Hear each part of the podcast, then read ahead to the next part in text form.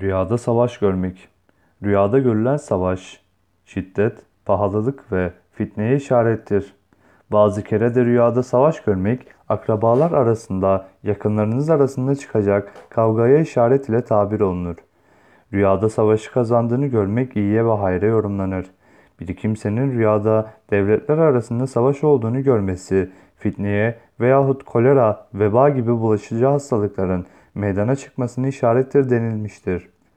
Rüyada devlet başkanı ile halkı yani tebaası arasında savaş olduğunu görmek bolluk, bereket ve ucuzluğa işarettir denilmiştir.